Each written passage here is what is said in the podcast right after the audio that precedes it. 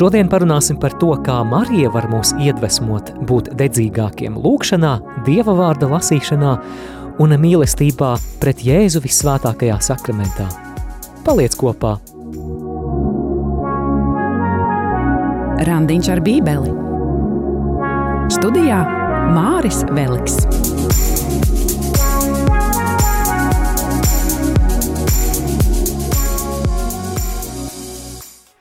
Sveicināti, sveicināti Bībeles draugi! Aizvadītajā nedēļas nogalē man bija iespēja kalpot ar vienu lekciju Jelgavas Marijas skolas pavasara sesijā. Šo lekciju esmu arī ierakstījis un vēlos šoreiz raidījumā atskaņot jums. Ceru, ka atradīsiet tajā kaut ko vērtīgu savai garīgajai dzīvei.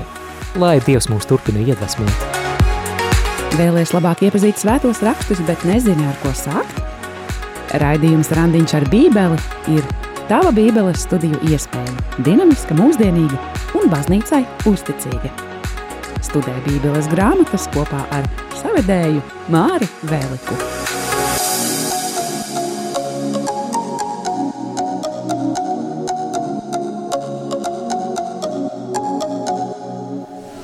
Darbie draugi, turpināsim tēmu par Mariju. Un šīs lekcijas tēma ir Marija, kristīgās dzīves paraugs. Marija, kristīgās dzīves paraugs, bet lai cik tas dīvaini neizklausītos, es vēlos sākt ar stāstu par sarūsējušiem velosipēdiem. Kad mēs vēlā rudenī ar sieviņu noslēdzām mūsu velo sezonu pagājušajā gadā, mēs nolēmām, ka šoreiz mēs velosipēdus neatstāsim pa ziemu dzīvoklī, bet ārā. Šķita, ka vieta ir ļoti laba pie veikala, pat kamera tēmē uz velosipēdiem, tā ka no garnaģiem it kā pasargāti. Virs velosipēdiem pat nojumīte, tā ka no nokrišņiem arī puslīts eh, būs drošībā. Bet, kad pienāca pavasaris un kad bija laiks atķēdēt velosipēdus, eh, kaut mēs to būtu ņēmuši vērā velosipēdi jau bija tik pamatīgi sarūsējuši, ka tad, kad es mēģināju braukt ar savējo, man neizdevās. Ķēde krakšķēja, ķēde nokrita, un cerams, ka meistaram izdosies savest tos kārtībā. Kāpēc es runāju par sarūsējušiem velosipēdiem? Vai nav tā, ka pasaulē ir daudz cilvēku, kuri sevi uzskata par kristiešiem, bet kuru attiecības ar Dievu un kuru garīgā dzīve ir tikpat sarūsējusi kā šie nelaimīgie velosipēdi. Ķēde krakšķi, lūgties negribās. Uz grēksūdzi jau sen neejam. Ja aizējam uz misiju svētku dienās, tad tikai atsēžam vai atstāvam. Šāda ir tā garīgā dzīve, kuru raksturo garīgs rūsas slānis.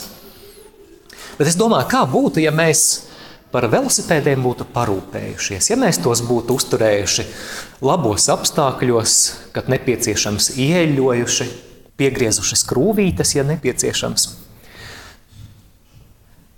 Labā ziņa ir tā, ka Dievs mums ir devis brīnišķīgus līdzekļus profilaktiski pret rūsu mūsu garīgajā dzīvē.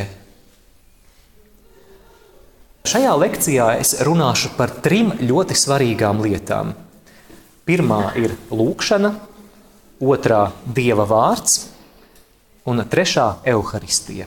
Lūkšana, dieva vārds un evaharistija. Un mēs palūkosimies uz šīm trim lietām caur Marijas prizmu. Kā rakstu vietas Bībelē par Mariju var mūs iedvesmot būt uzticīgākiem lūkšanā, dieva vārda lasīšanā un evaharistijā. Bet sākam ar pirmo. Pirmais ir lūkšana. Es domāju, daudzi no jums piekritīsiet, ka lūkšana ir garīgās dzīves pamats. Jo kas ir kristietības centrā? Pirmkārt, tā nav filozofija, pirmkārt, tas nav noteikumu kopums. Pirmkārt, tās ir attiecības ar Dievu, attiecības ar Jēzu. Un kā mēs varam veidot attiecības ar personu, ja mums nav kontakta? Un šo kontaktu pirmkārt mēs veidojam caur lūkšanu. Tā ka lūkšana ir garīgās dzīves elpa. Turpinājumā es vēlos runāt par trim lūkšanas attieksmēm, kuras mēs varam mācīties no Marijas. Un pirmā no šīm attieksmēm ir atvērtība. Atvērtība. Atvērta sirds lūkšanā saka Dievam, Dievs, es sagaidu no tevis visu, ko tu man vēlies dāvāt, lai kas tas būtu. Vai tas ir lūkšanas sausums, vai tas ir iepriecinājums, vai tas ir kāds vārds no tevis, vai pamudinājums, lai kas tas būtu, bet vēlos pieņemt visu, ko tu man dāvās. Un, protams, ka mēs to redzam pasludināšanas stāstā. Lūkas evanģēlija pirmā nodaļa. Eņģelis Gabriels viņai pasludina, tu kļūsi par Dieva dēla māti. Un Marijas atbilde ir, kurš atcerās? Jā, jā, protams, viņai ir jautājumi, kā tas notiks, jo es vīra neapzinos. Bet galu galā tas rezumējums, atbilde, attieksme ir: redzies, esmu kunga kalpone, lai man notiek pēc tava vārda. Un kas gan cits tas ir, ja ne atvērtības attieksme? Marija ir atvērta. Un ne tikai šajā piekrišanā Dieva plānam mēs redzam Marijas atvērtību, bet jau tajā faktā, ka eņģelis var viņai nodot šo vēsti no Dieva, uzrunāt viņu. Mēs īsti nezinām, kādos apstākļos eņģelis sastop Mariju. Bet eh, interesanti, ka sakrālajā mākslā bieži vien Marija pasludināšanas ainā ir attēlota lūkšanas pozīcijā. Man nāk prātā ļoti skaistās Frāņa Anželiko freskas, Marijas pasludināšana, un Marija tur ir dziļā lūkšanā, un tad eņģelis viņu uzrunā, un, un stars no debesīm, jeb svētais gars viņu apēno. Bet pat tad, ja eņģeļa vēsts Mariju pārsteidz ikdienas darbos, mazgājot traukus vai ravējot kādu dobi dārzā, Marijas gatavība uzklausīt un saņemt liecina par atvērtību. Un šāda atvērtība ir iespējama tad, ja mums ir stabila lūkšanu dzīve ikdienā. Turpinājumā es vēlos parunāt par kādu lūkšanas formu, kurā Dievs var mūs mācīt būt atvērtiem Viņam.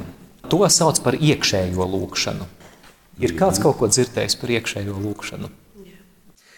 Pirmkārt, tā ir lūkšana gandrīz bez vārdiem. Tā drīzāk ir sirds nostāja, sirds atvērtība. Mēs fokusējamies uz Dievu, mēs esam uzmanīgi uz Dieva klātbūtni. Jā, mēs varam iesākt ar kādiem vārdiem, mēs varam pateikties Dievam, mēs varam viņu slavēt, mēs varam aicināt svēto garu, bet tad kādā brīdī mēs apstājamies un vienkārši Dievs, šeit es esmu. Es vienkārši gribu būt šeit, tavā klātbūtnē. Es gaidu tevi, kungs. tad turpinājumā varbūt es neko dievam nesaku. Varbūt tajos brīžos, kad mana uzmanība sāk novirzīties, es atkal atjaunoju savu fokusēšanos uz Dievu ar kādiem vārdiem: Jēzu, es mīlu tevi. Gadījums no Svētā Jāņa Marijas vienēja dzīves, jeb Arsas prāvesta dzīves. Viņš ievēro, ka ikdienā viņa baznīciņu apmeklē kāds zemnieks, apsēžas solā, pavada tur kādu laiku un tad dodas projām. Mm. Kādā brīdī Arsas prāvests viņam jautā, saki, draugs, ko tu dari? Par ko tu runā ar Dievu? Neko īpašu. Vienkārši es skatos uz viņu, un viņš skatās uz mani. Mm -hmm. Man tā ir ļoti, ļoti dārga tēma, jo Tas ir viens no primārajiem lūkšanas veidiem, kā es veidoju savas attiecības ar Dievu. Man ikdiena, ikdienas lūkšana sastāv no, no trim svarīgiem elementiem. Šī iekšējā lūkšana, Dieva vārda lasīšana un rožu kronis. Katram var būt sava recepte, katram Dievs var aicināt uz kādu noteiktu lūkšanas veidu, bet eh, tas ir mans veids. Atceros eh, jau pirms 11 gadiem, ejot svētceļojumā kopā ar priesteri Ilmāru Tolstovu, Viņš pastāstīja, ka viņš ikdienā praktizē stundu šajā iekšējā lūkšanā, ka viņš pat uzliek chronometru. Un stundas garumā vienkārši vai no adorācijas kapelā, vai kur tajā brīdī atrodas, sēž Dieva priekšā. Mani tas tā uzrunāja, un tajā laikā man bija darbs vecrīgā. Pusdienu pārtraukumā vai arī pēc darba vakarā es gāju uz adorācijas kapelu, apsēdos Jēzus priekšā, izkratīju viņam visas savas bēdas vai pateicības, un tad vienkārši klusēju. Un, manuprāt, tā ir ideāla lūkšana, ja mēs esam noguruši. Ir gadījies tā, ka ir jāpalūdzas, ir vakars. Bet, Man nav ko teikt, ne, negribās neko teikt, man negribās neko meditēt, neko pārdomāt. Dievs, šeit es esmu.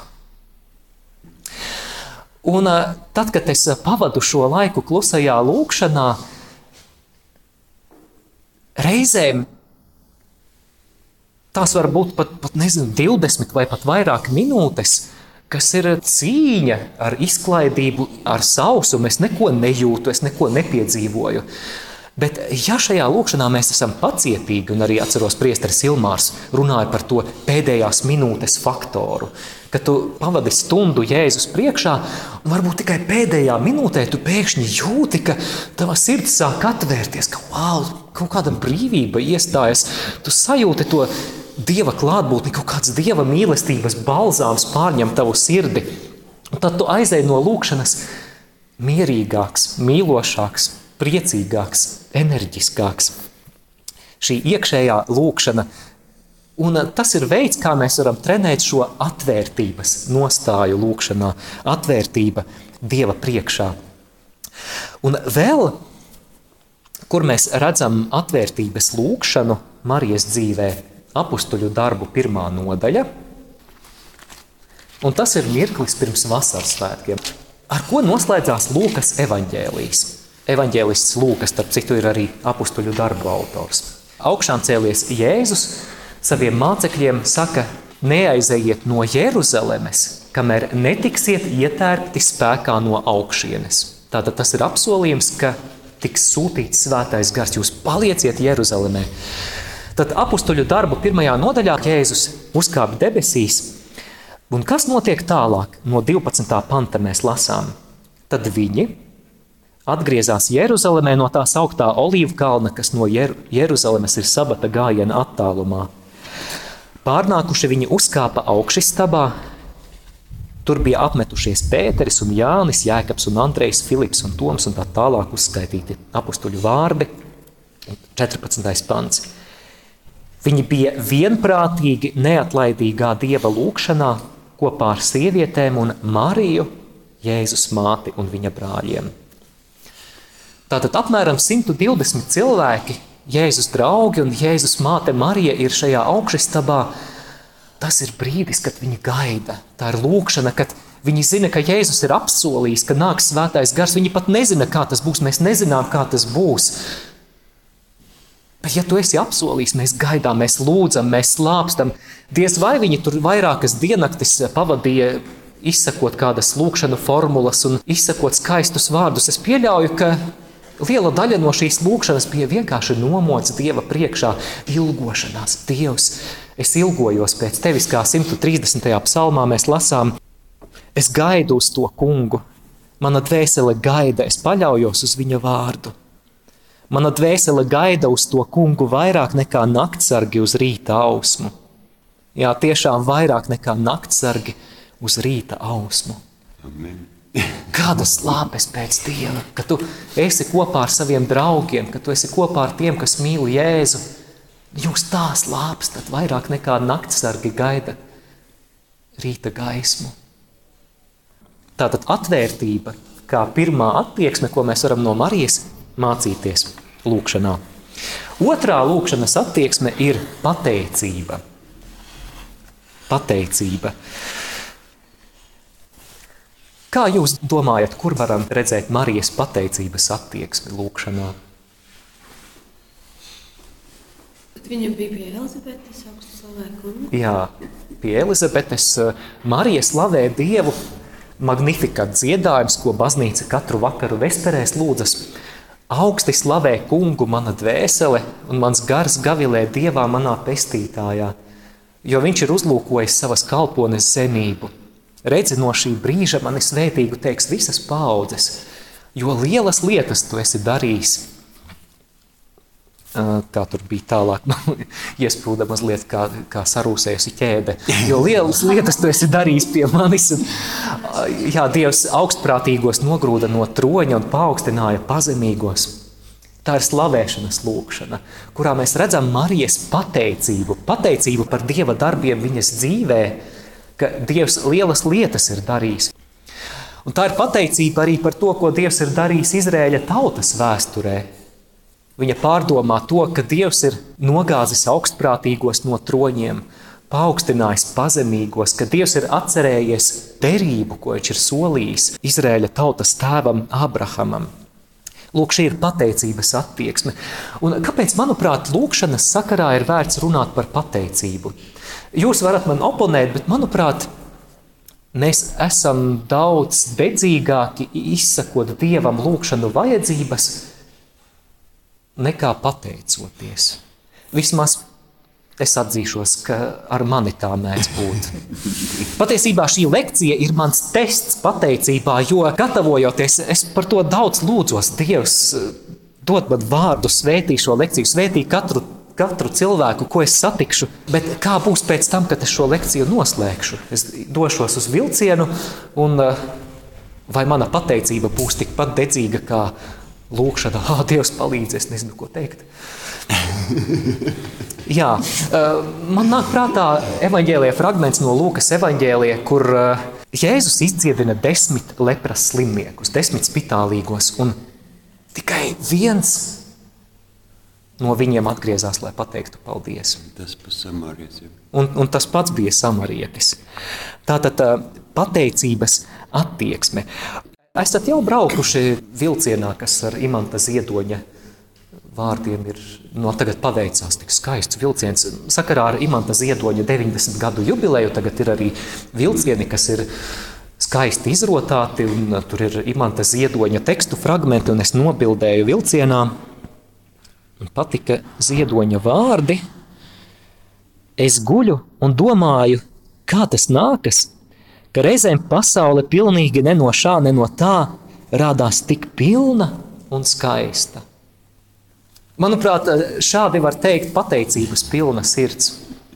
Jo mēs esam pateicīgāki, jo mēs esam gatavāki ieraudzīt, ka šī pasaule ir tik pilna un tik skaista. Un ja mēs ar pateicību izējām uz ielas, pat tad, ja tur ir draņķīgi laika apstākļi, mēs pēkšņi pat varam ieraudzīt, ka tās lietus lāses ir skaistas, kas maržo ka ārā ir pavasaris, ka patiesībā tie cilvēki, ar kuriem es strādāju, ka viņos ir daudz, daudz laba. Jā, tik tālu varētu izklausīties, ka pateicība ir tāds kristieša pienākums. Dievs sagaida no mums pateicību, citādi viņš ir apvainojies. Taču patiesībā Dievs mums ir devis pateicību arī kā lielu dāvanu, jo caur pateicību mēs paši tiekam svētīti. Pat eh, zinātnieki ir pētījuši, kādu ietekmi atstāja pateicība mūsu dzīvē, gan uz mūsu mentālo, gan uz fizisko veselību. Un lūk, daži fakti par pateicības teikšanu. Pirmais - pateicība atver durvis jaunām attiecībām. Otrais - pateicība uzlabo fizisko veselību.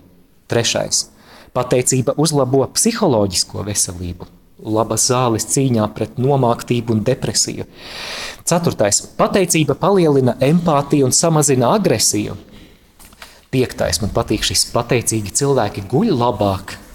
Mm. Jā, sestais - pateicība uzlabo pašvērtējumu. Septītais - pateicība uzlabo mentālās spējas un mentālo noturību.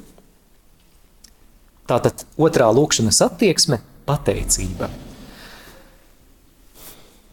Trešā lūkšanas attieksme ir paļāvība.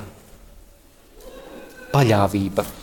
Te mēs varam atvērt Jāņa evaņģēlija otro nodaļu, kurš atcerās, kādā kontekstā tur Marija parādās. Kāzas kānā. Jā, tieši tā, kāzas kānā. Marija un Jēzus un Jēzus mācekļi ir uzaicināti uz kāzām. Liela ballīte notiek, un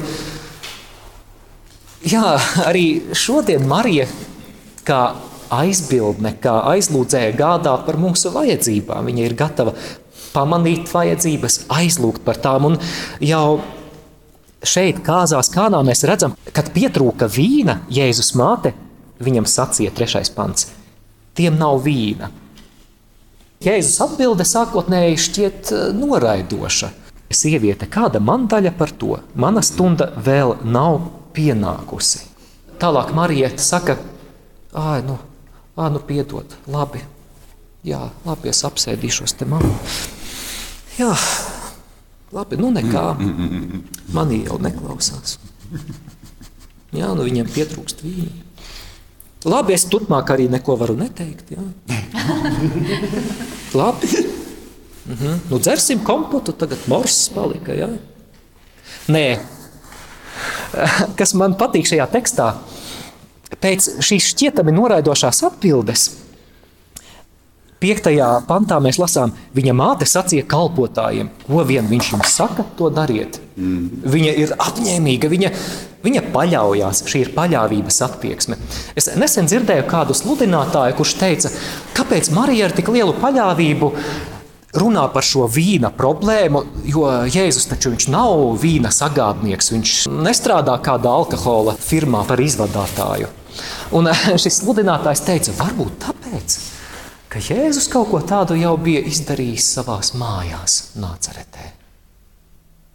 Mēs to nezinām, bet skaidrs ir fakts, ka Marija šeit parāda paļāvības attieksmi. Manuprāt, jau kad mēs runājam par paļāvību, vai kad mēs dzirdām, ka kāds cits sludina par paļāvību lūkšanā, sāk pieaugt mūsu ticība, sāk pieaugt mūsu paļāvība. Un es eh, vēlos jums nolasīt savu mīļāko pantu par ticību, paļāvības pilnu lūgšanu.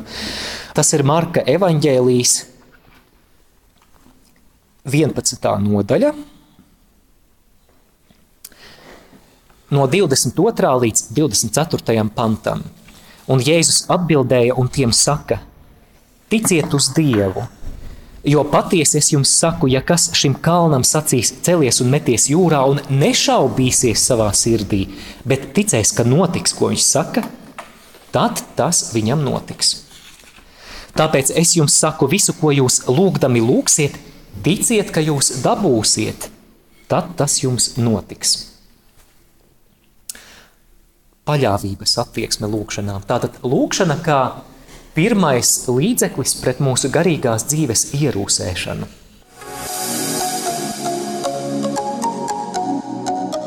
Skan randiņš ar bībeli. Otrais līdzeklis pret garīgo rūsu, ko mēs aplūkosim caur Marijas prizmu, ir Dieva vārda lasīšana. Dieva vārds. Atgriežamies pie notikuma, kad Marija apmeklē Elizabeti šīs sievietes sveici, sasveicinās, svētais gars nāk pār Elizabeti, un kādā brīdī Elizabete saka vārdus, ka svētīga ir tā, kas ieticēja, ka piepildīsies tas, ko kungs viņai ir licis sacīt. Ka piepildīsies tas, ko Dievs tev ir teicis. Ko tas nozīmē, ka tu ticēji tam, ko Dievs tev ir teicis. Tu ticēji Dieva vārdam.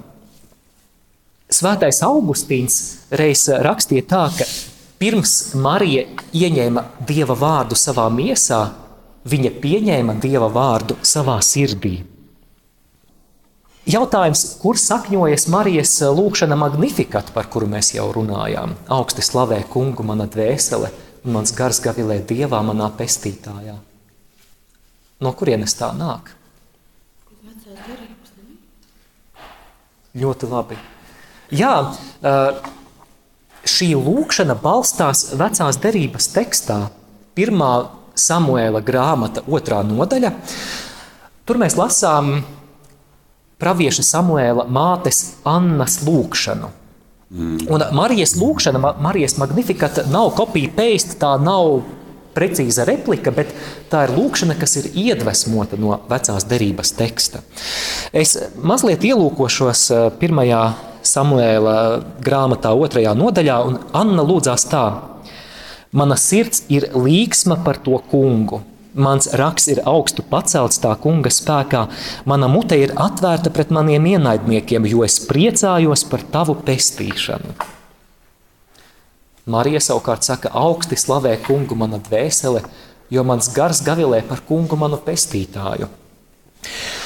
Atceramies, ka Magnifikat lūkšanā Marija tālāk saka tā, ka augstprātīgos tu nogrūdi no troņiem un paaugstināja pazemīgos. Bagātos tu atstāja tukšā, bet piepildīja nabagus. Anna savukārt lūdzās vecajā derībā, ka stipro loki guļ salauzti, bet nogurušie apjosti ar spēku, kas bija paēduši, sadar par maizi, bet izsalkušie nav vairs izsalkuši. Pat neauglīgā ir dzemdējusi septiņus bet bērniem svētītā ir sakul, sakaltusi.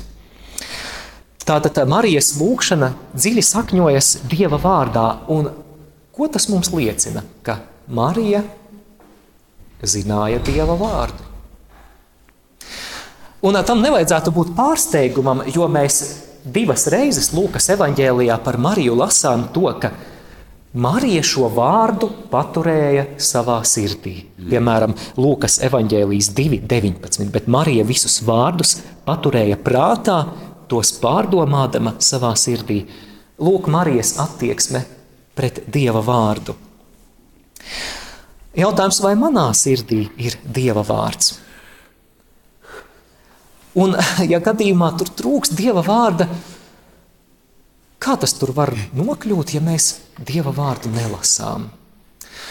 Un, es uzskatu, ka tas ir viens no, no manas dzīves aicinājumiem, piedodiet, bet iebakstīt katoļu sirdsapziņās un, un pateikt, darbie katoļi, lasīsim Dieva vārdu, lasīsim Bībeli.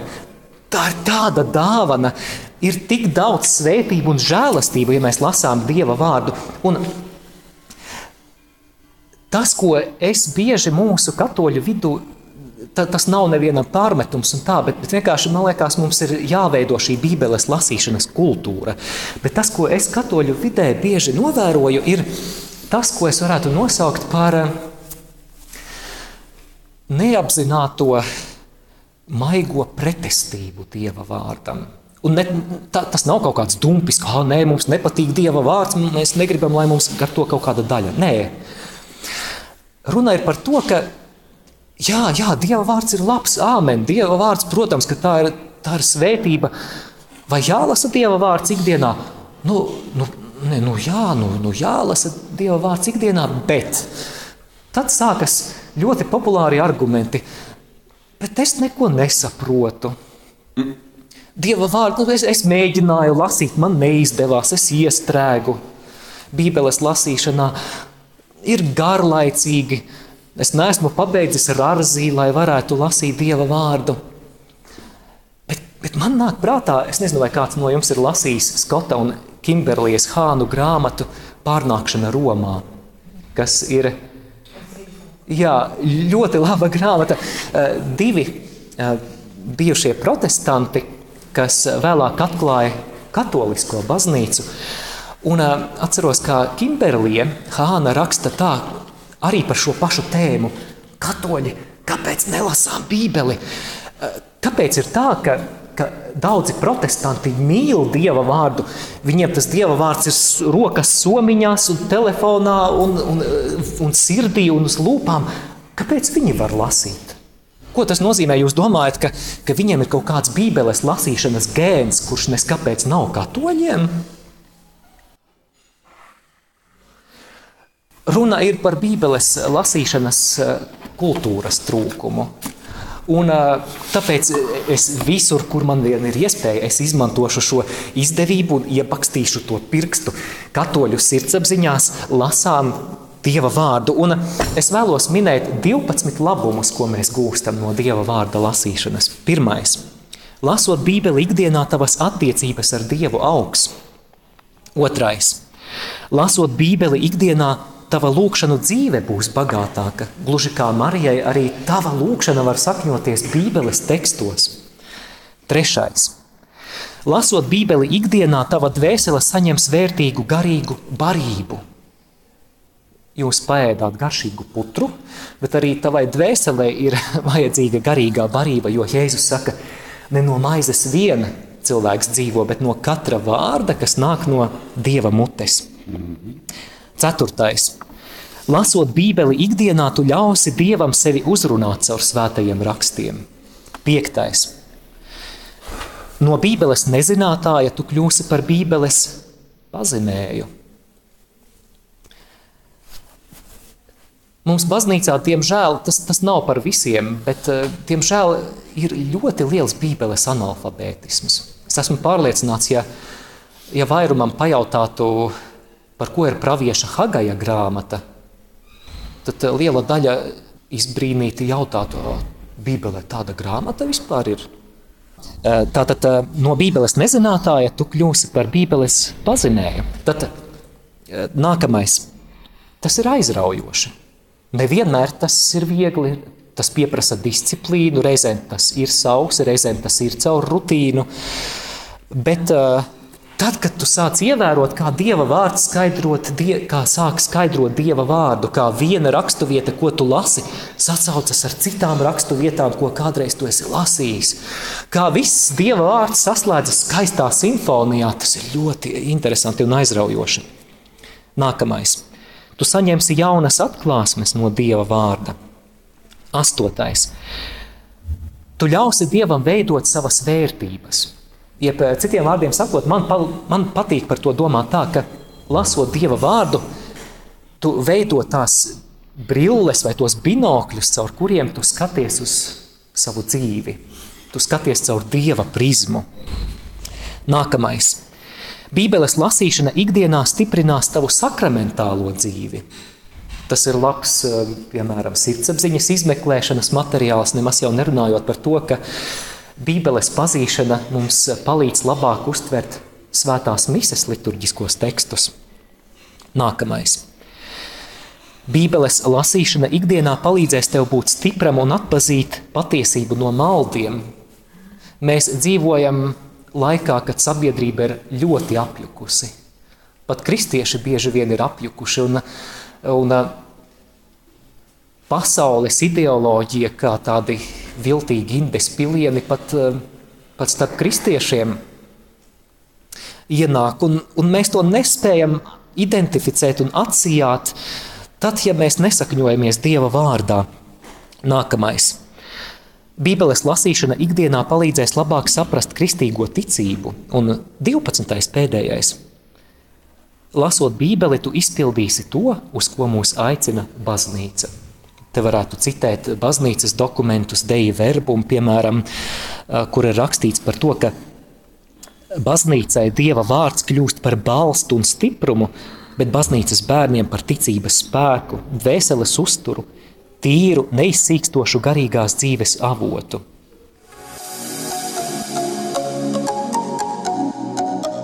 Skan randiņš ar bībeli. Tātad um, pirmais līdzeklis pret rūsu ir lūkšana, otrais - dieva vārda lasīšana, un visbeidzot, trešais. Parunāsim par trešo, un tas ir evaharistija, visvētākais sakraments.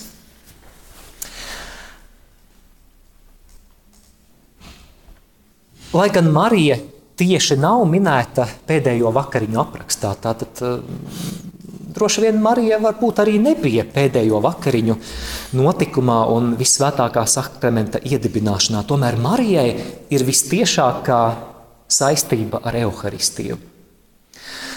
Mēs droši Mariju varam saukt par evaharistijas māti, jo Dievs pieņem savu cilvēcisko dabu Marijas miesā, iemiesošanās brīnums, Tad, kad Marija saka šo savu jā-vārdu, lai man notiek pēc tava vārda, Dievs kļūst cilvēks Marijas miesā, un Marija tādā veidā kļūst par pirmo tabernākulu.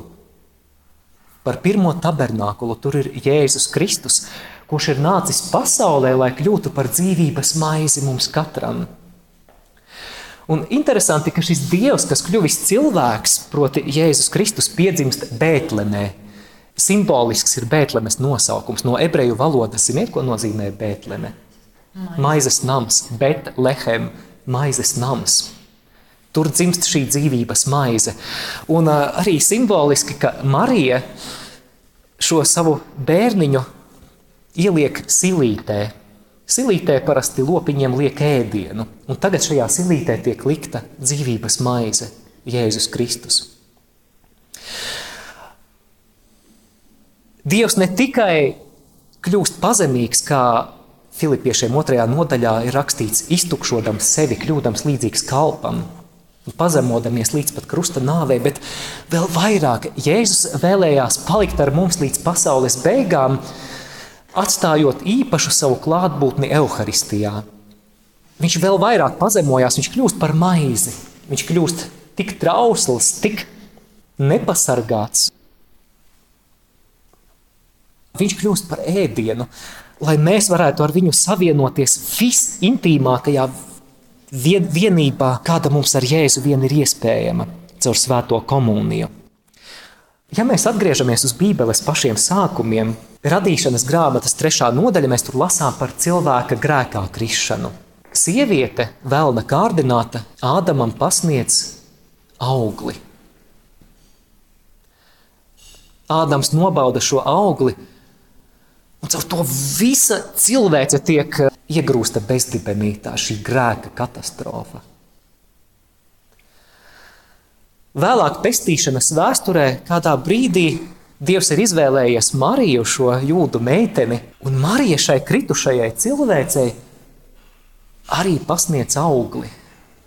Mm -hmm. Savu miesas augli, Jēzu Kristu.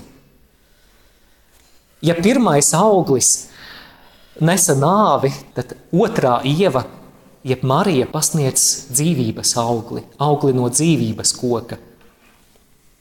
Un tas ir tas, ko mēs pieņemam evaharistijā, visvētākajā sakramentā. Ļoti skaistas paralēles. Vakar mieram tuvu rīta lūkšanā bija Svētās Katrīnas no Sienas lūkšana. Un tur bija vārdi, kas mani uzrunāja un ļoti sasaucās ar šo tēmu, ka Marijai ir saistība ar evaharistiju.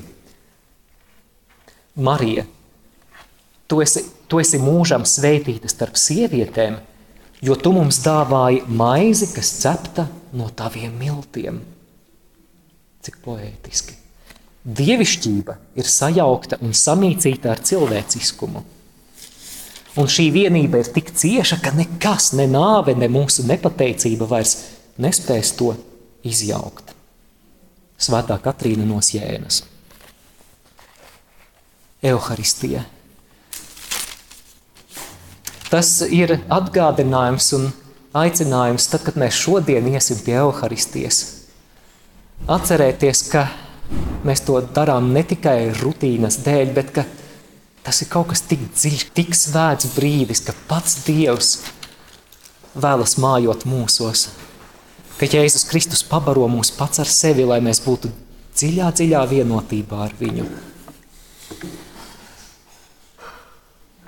Tiešām nāca svētais gars un pamodina mūsos ikdienā ilgas pēc evaharistijas, lai, ja mums tas ir iespējams pat darba dienā, dažreiz būtu gatavi aiziet uz svēto misi. Un pēdējais - adorācija, adorācijas lūkšana, kad mēs pavadām laiku visvētākā sakramenta priekšā. Manuprāt, tas labi sasaucās arī ar iekšējo lūkšanu, par ko es runāju. Būt visvētākā sakramenta priekšā Un pat neko Jēzum neteikt, vienkārši skatīties uz viņu, ir brīnišķīgs veids, kā mēs varam attīstīt savas attiecības ar Dievu. Elizabete satiek Mariju, Marija satiek Elizabeti. Kas notiek Elizabetes miesās? Bērniņš sāk lēkāt, bērniņš priecājās par Jēzus klātbūtni. Marijā kā tabernākulā. Tā ir adorācija, tā ir pirmā adorācija. Patiešām, lai ikdienā mūsu sirdis, kad mēs sastopam Jēzu Euharistijā, lai ir līdzīga šim mazajam Jānim Kristītājam, kas garā lēkā, kas priecājas, kas uh, var izsaukties ar Marijas vārdiem. Augsti slavē kungu mana dvēsele, un lai mans gars gavilē Dievā, manā pestītājā. Tātad trīs lietas - lūkšana, kas vēl? Svētie raksti, Dieva vārds un, un Euharistija. Paldies jums liels! Jūs dzirdējāt raidījumu Randiņš ar Bībeli. Savas atsauksmes, ieteikumus un jautājumus sūtiet uz raidījuma e-pastu randiņš ar bībeli at gmail.com. Iepriekšējās raidījuma epizodes var atrast arhīvā.